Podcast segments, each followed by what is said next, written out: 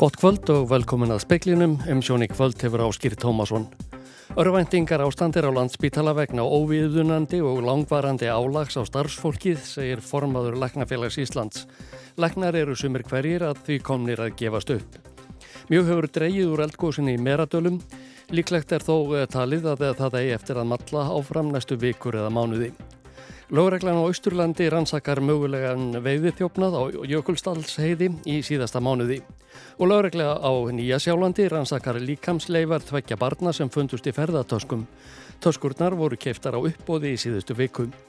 Tyrkir lístu yfir stuðningi við Úkrænum en þegar leitúar ríkjana hittust í borginni Liviv í dag. Saminuðu þjóðirnar vilja hraða útflutningi á kortni frá Úkrænu en frekar.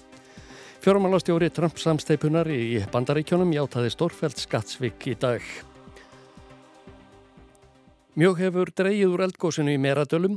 Hraunflæði er enningir sem þriðjungur af því sem það var í upphafi.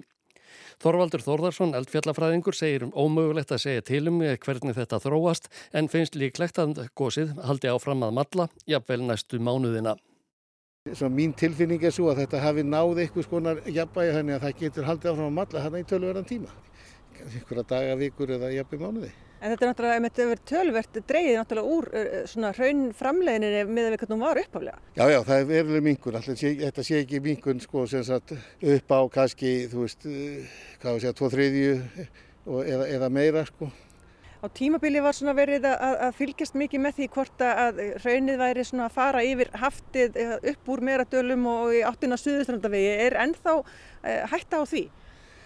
Eins og staðin er núna þá finnst mér mjög ólíklegt því að, hraunflæði líka afmarkast við við gíksvæði sjálft og síðan hef, hefur hrauntóta verið að flæða aðeins svona í Meradali og, og, og fylgir svona norður hlýðum dalsins og eh, með svona litla framlegin finnst mér mjög ólíklegt að, að, að hraunin nái fram úr Meradalum. Segir Þorvaldur Þorðarsson, Alma Ómarsdóttir talaði við hann. Lóreglan á Ísturlandi hefur til rannsóknar mögulegan veiði þjófnað. Grunnur er um ólögulega reyndýraveiði á Jökuldalsheiði í síðasta mánuði. Kristján Ólafur Guðnarsson yfirlauruglu þjóttn hjá Lóreglun á Ísturlandi staðfæsti þetta í samtali við fréttastofu. Hann segir að fyrir þremur vikum hafa Lóreglu borist ábendingur um menn sem taldir eru hafa verið á reyndýraveiðum á Jökuldalsheiði í óleifi. Málið sé enn til rannsóknar og verið sé að abla gagna meðal annars úr myndavélum.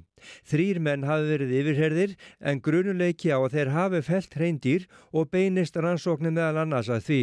Kristján segir ekki hægt að veita frekar upplýsingar á meðan málið sé rannsókn. Ágúst Ólafsson sagði frá.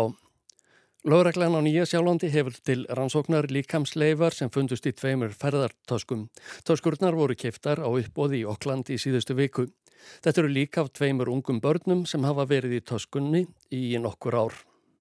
Ferðartöskurnar tvær enduðu fyrir tilviljun í höndum fjölskyldu í Okkland sem keiftu ímsa gamla muni á uppbóði frá geimslu fyrir tæki í borginni í síðustu viku.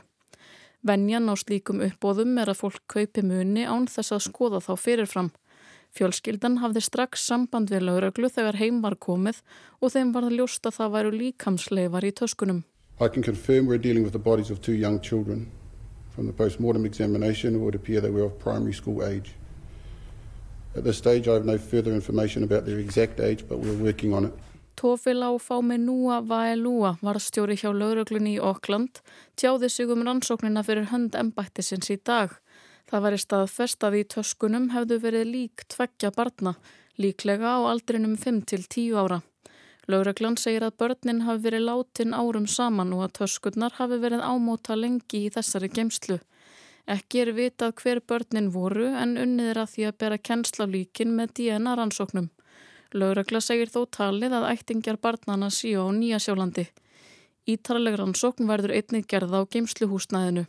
Interpol leggur nýsjálensku lauruglunni lið en rannsóknin verður líklega erfið vegna þess hver langt er síðan börnin létust. Lóreglann í Nýja sjálandi hétt því á bladamannafundinum að unnið væri hörðum höndum að því að svara því hvernig börnin hefðu dáið, hvar og hvenar. Sá sem bæri ábyrð á dauða þeirra yrði kallaður til ábyrðar. Ólafrún Erlendsdóttir tók saman. Liz Truss hefur 32% stiga forskot á keppinautsinn Rísi Súnak í baráttinu um leðtúasæti í halsflokksins í Breitlandi samkvæmt nýri skoðanakonun sem Sky News byrti í dag. Rúmlega þúsund flokksmenn í halsflokksins voru spurðir hvort þeir þeir stittu og hvort þeir teldu að það hefðu verið mistök hjá Boris Johnson að segja af sér.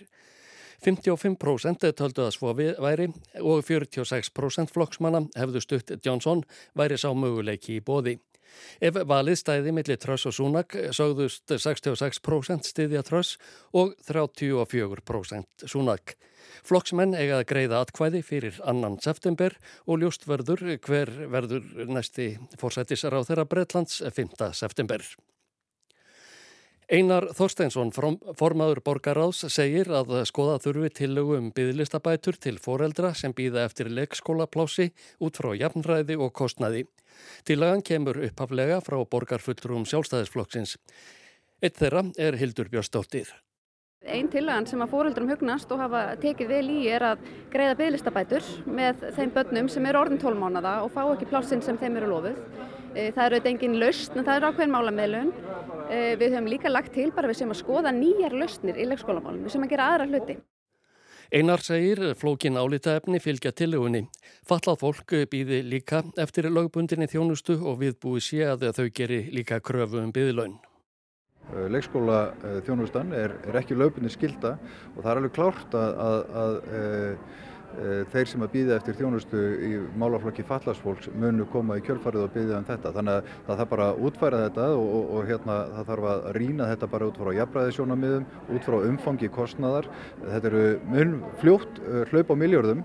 Ég er þeirra skoðanur í grunninn að við ættum bara að einbeita okkur að því að eigða þessum bygglistum. Einar vonast ég að fram til að hægt verði að opna bráðabyrðalegskóla í korpuskóla en hann stendur auður. Þar sé hægt að opna pláss fyrir 150 börn takist að manna skólan.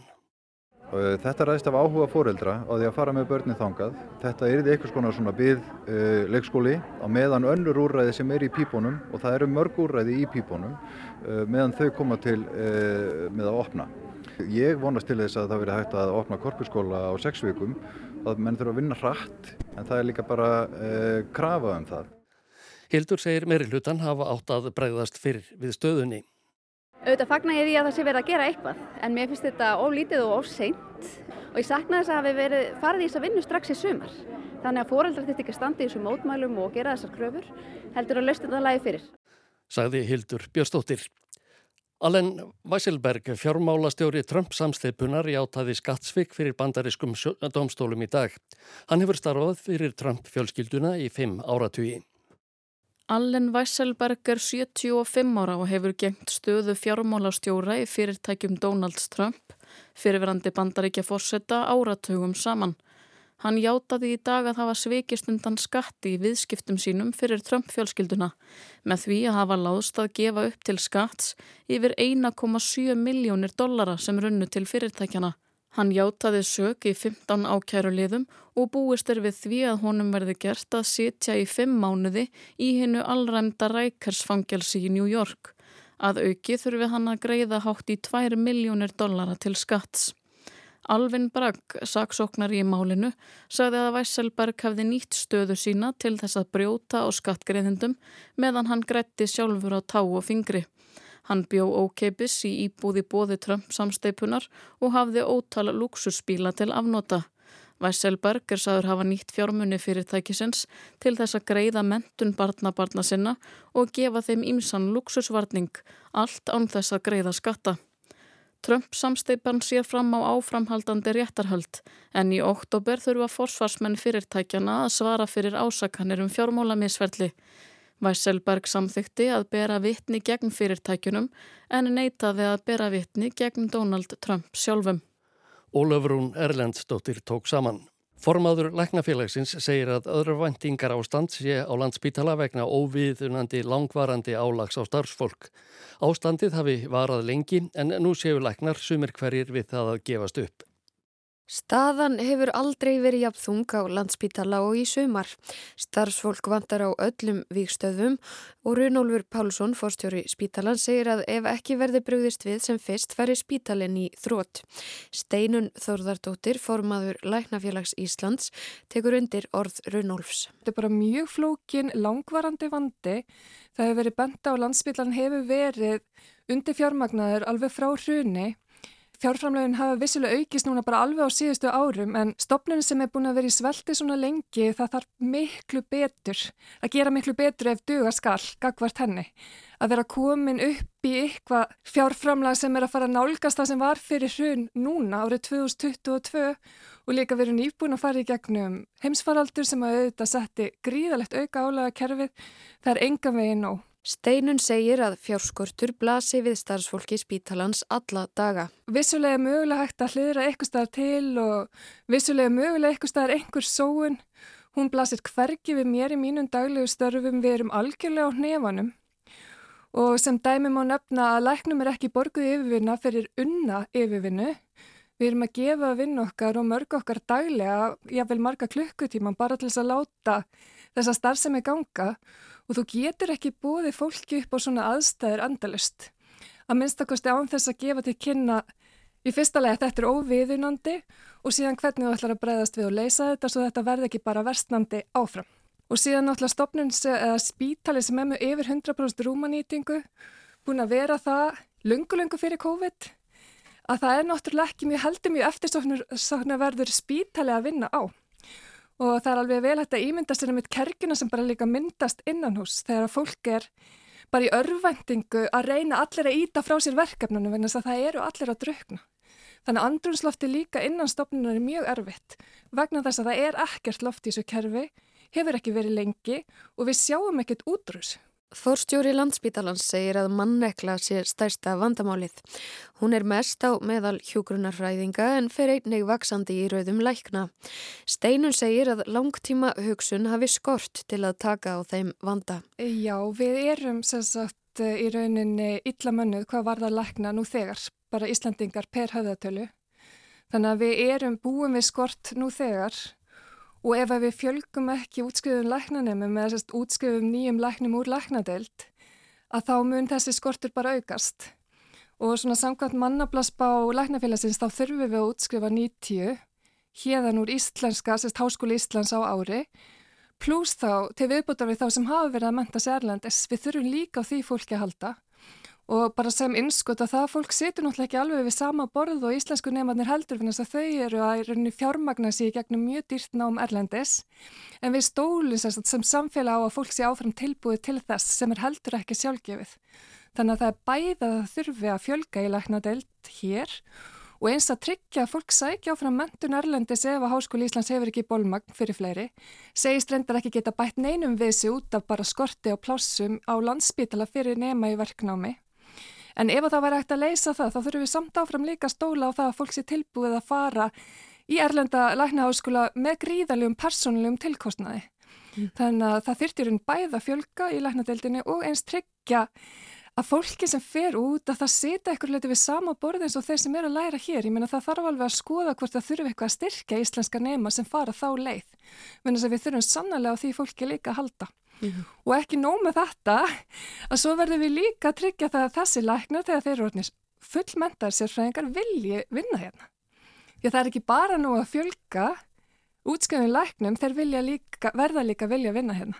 Annars er við rauninni kannski bara menta lækna fyrir útlönd. Já, en það hefur kannski svolítið verið raunin núna rétt undanfærið að minnst að kosti að hérna, já, brottfall hefur verið meira en við kannski höfum áður séð og á sama tíma er 6, hátt í 60% aukning á, á veikinda hlutfalli starfsfólks bara frá því 2020. Já og þetta er öruglega sko varandi veikinda hlutfallið eitthvað sem að getur reykja eitthvað leiti til COVID-faraldur sinns og álagsins sem að hefur E, tengst honum. En þetta er ekki bara það, ég get alveg left mér að fullir að það verandi bara hluti af þessari stjætt og þekkjandi marga persónulega sem að hafa lendi bara mjög slæm, slæmu, hvað maður segja, burnout eða brunni bara mjög illa út sem er náttúrulega gríðarlega erfitt að lenda í og erfitt að koma tilbaka eftir og fengi mjög lítinn stuðning til að ná aftur sinni starfsketu. Þannig ég er að sjá í mínu umhverju miklu, miklu fleiri sem eru að eiga við svona langvarandi, alvarleg streytu engjarni. Finnst þér svona tilætlunar sem til heilbreyðstarfsfólks vera of mikil? sko við, við tölum oft um það sjálf svona í hálkæringi að við þetta gangi, þetta kerfi gangi alltaf okkar meðvirkni. Þá gagvart sjúklingunum og hvort öðru. Og það sé eitthvað sem sé svolítið trest á. Að við erum bara, ég menna ég standa þarna inni og deild með þessa sjúklinga sem eiga í öllum þessum bráða vandamálum. Uh, ég get ekkert gengið í burti frá þessu fólki þó að vaktin mín sé búin ef það er enginn komin til að leysa mig af ég verð bara að sinna þessu þanga til að einhver annar tekur við að mér. Og ef að enginn er þá verð ég að á deltinu við hliðin og þá verð ég að taka hana líka.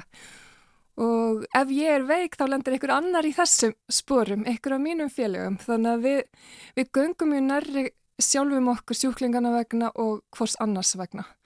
Og það hefur öruglega látið þetta helbriðskerfi ganga á þessum komum að segja, með þessa litlu resursa og þetta litla fjármang sem það hefur fengið að þetta hefur verið bara fólki á gólfinu sem hefur ekki getað hugsað sér að bara hlaupa frá þessu verki sem er náttúrulega greiðalega augljóslega mikilvægt fyrir samfélagi. Ja. En þetta gengur ekki endalust. Það er ekki endalust hægt að treysta á þetta og fólki fara að vakna svolítið mikið til meðvitundur um það að það getur ekki rauninni fórnað eigin heilsu, fórnað öllum sínum tíma með fjölskyldunni til þess að láta kerfi ganga upp sérstaklega þegar finn, manni finnst kerfið ekki mæta skilningi hjá þeim sem að eiga stýraði. Steinun segir að vítarhingur hafi skapast á spítalanum og í heilbreyðiskerfinu. Of mikið álag og slæmt starfsumhverfi leiði af sér brottfall og veikindi starfsfólks og manneklan gerir starfsumhverfið þeimun verra. Eins segir hún slæma stöðu á heilsugjæslunni auka álagið á spítalan og öfugt. Svo þarf að skoða heilsugjæsluna, það eru týjir þúsunda Íslandingar sem eru ekki með fastan heimilisleikna vegna þeir eru einfallega og fáir. Það er ekkert taka á álag á þá, ekki frekarinn í raun á sjúgráðsleiknana. Þannig að við köllum líka bara eftir því, úttækt, hvað er aðlilegt hámarks ála og lækni, hvað þurfum við raunverulega marga, ekkert að þessu liggur fyrir eins og staðan er núna og það er bara kerfið sem ekkert allir treysta sér til að vinni. Mm. Ef þú mæti bara inn í eitthvað svartól sem að álags, getur við sagt, það sem að það er engin mörg. Við erum svolítið stödd þar núna og við erum svolítið stödd þar að margir hérna eru bara farnir að hugsa um sig á sínum eigin fórsendum og ég menna ég get ekki gengið svona næri með lengur, við erum komin á það vondan stað, ég vil bara fara að hugsa um mín prívat mína prívat og persónulega hagsmunni og maður sér að fólk er, margir eru farin að hugsa bara um jáfnvel að fara ykkur alltaf aðra leið í lífinu, bara leggja þetta til hliðar. Þráttur er einmitt allar þær fórnir sem maður hefur fært til að menta sig og sér af þessi á þennan stað sem maður er komin á og eins náttúrulega löngun að gefa tilbaka til samfélagsins þá getur það ekki verið með hvaða tilkostnaði sem er fyrir einstaklingin. Þannig að það sem ég kalla eftir er að okkur verði gefin einhver von og okkur verði gefin einhver von sem allra, allra fyrst. Því að til dæmi sumari 2022 var ótrúlega þungt. Ég meina fólk hafi valla fengið sumafrí, undanfarin sumur, er, kemur örþreytin í þetta sumar og þá byrja bara sami söngurinn aftur. Að fólk er kallað inn úr sumafríi það fær viku og viku og þú fær þreytt eða þreyttur inn í ennið hörku vetur og við verðum bara að fá einhver skilabóð um það við þessu verði brúðist að við séum ekki að horfa upp á sumari 2023 á nákvæmlega sama hátt eða verri heldur en þetta. Þegar við erum bara einmitt eins og þú segir, við erum á leðinni niður og við það er ákveðin vítarhingur í gangi og það sem við kvöllum eftir eru skilabóð sem eru skýr um það hvaða aðgerir á að fara í og hvenar því að það er til fullt af greiningum, það er til fullt af skýrslum. Nú þurfum við bara að fara að sjá að það verður ráðist í aðgerir. Það er bara ekkert eftir nema það. Þetta var Steinun Þórðardóttir, formaður Læknafélags Íslands. Hafdís Helga Helgadóttir talaði við hana.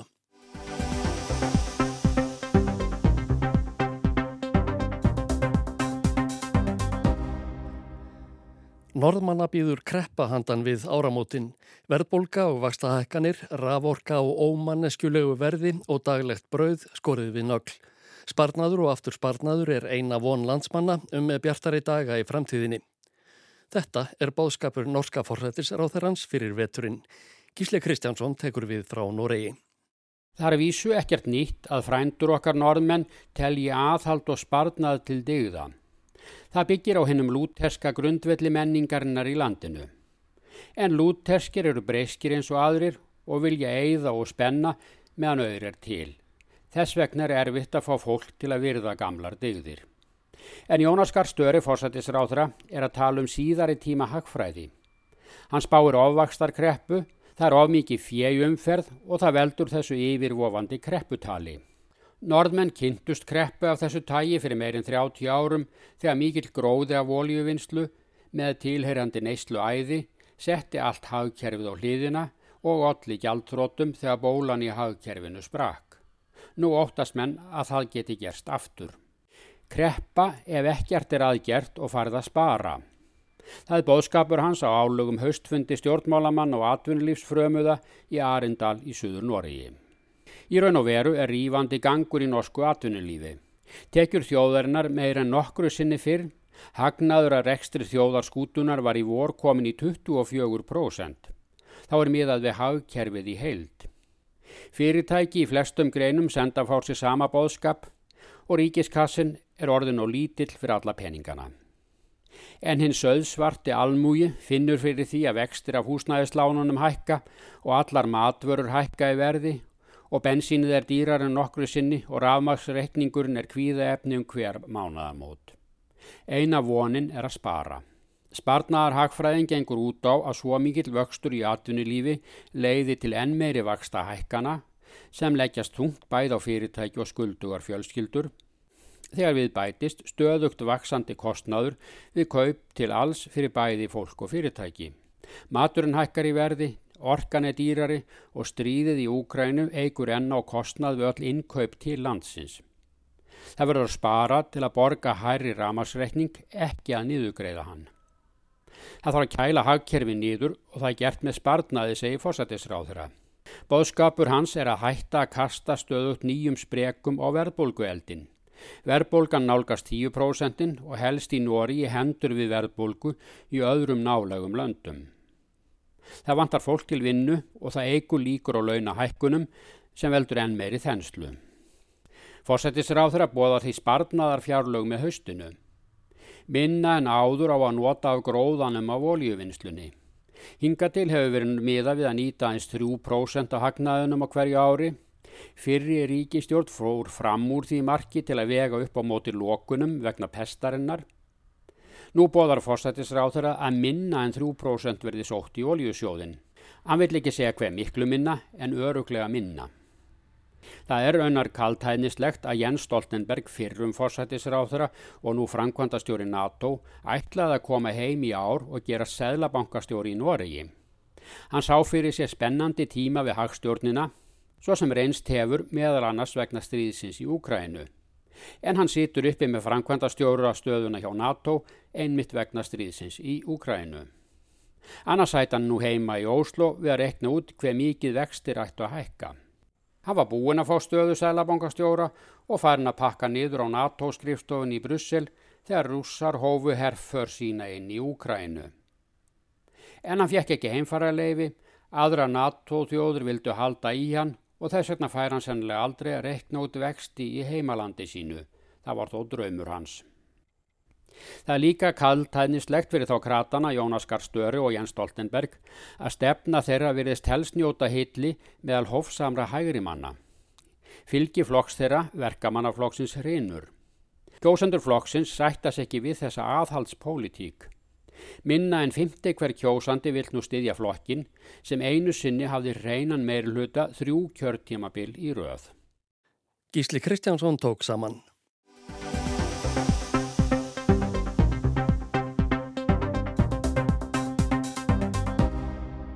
Í Líbanon er skortur á brauði. Þegar það færst eru langar byðraðir utan við bakaríinn. En landsmenn stinja undan kostnaðinum þóttu brauð sé niðurgreitt í landinu. Pakki með sex flatkökum kostar 13.000 líbansk pund um það byrj 1200 krónur. Á svartamarkaðnum er það alltaf tvöfalt dýrara. Innrás rúsa í Ukrænu 24. februar allir skorti á kortni í heiminum.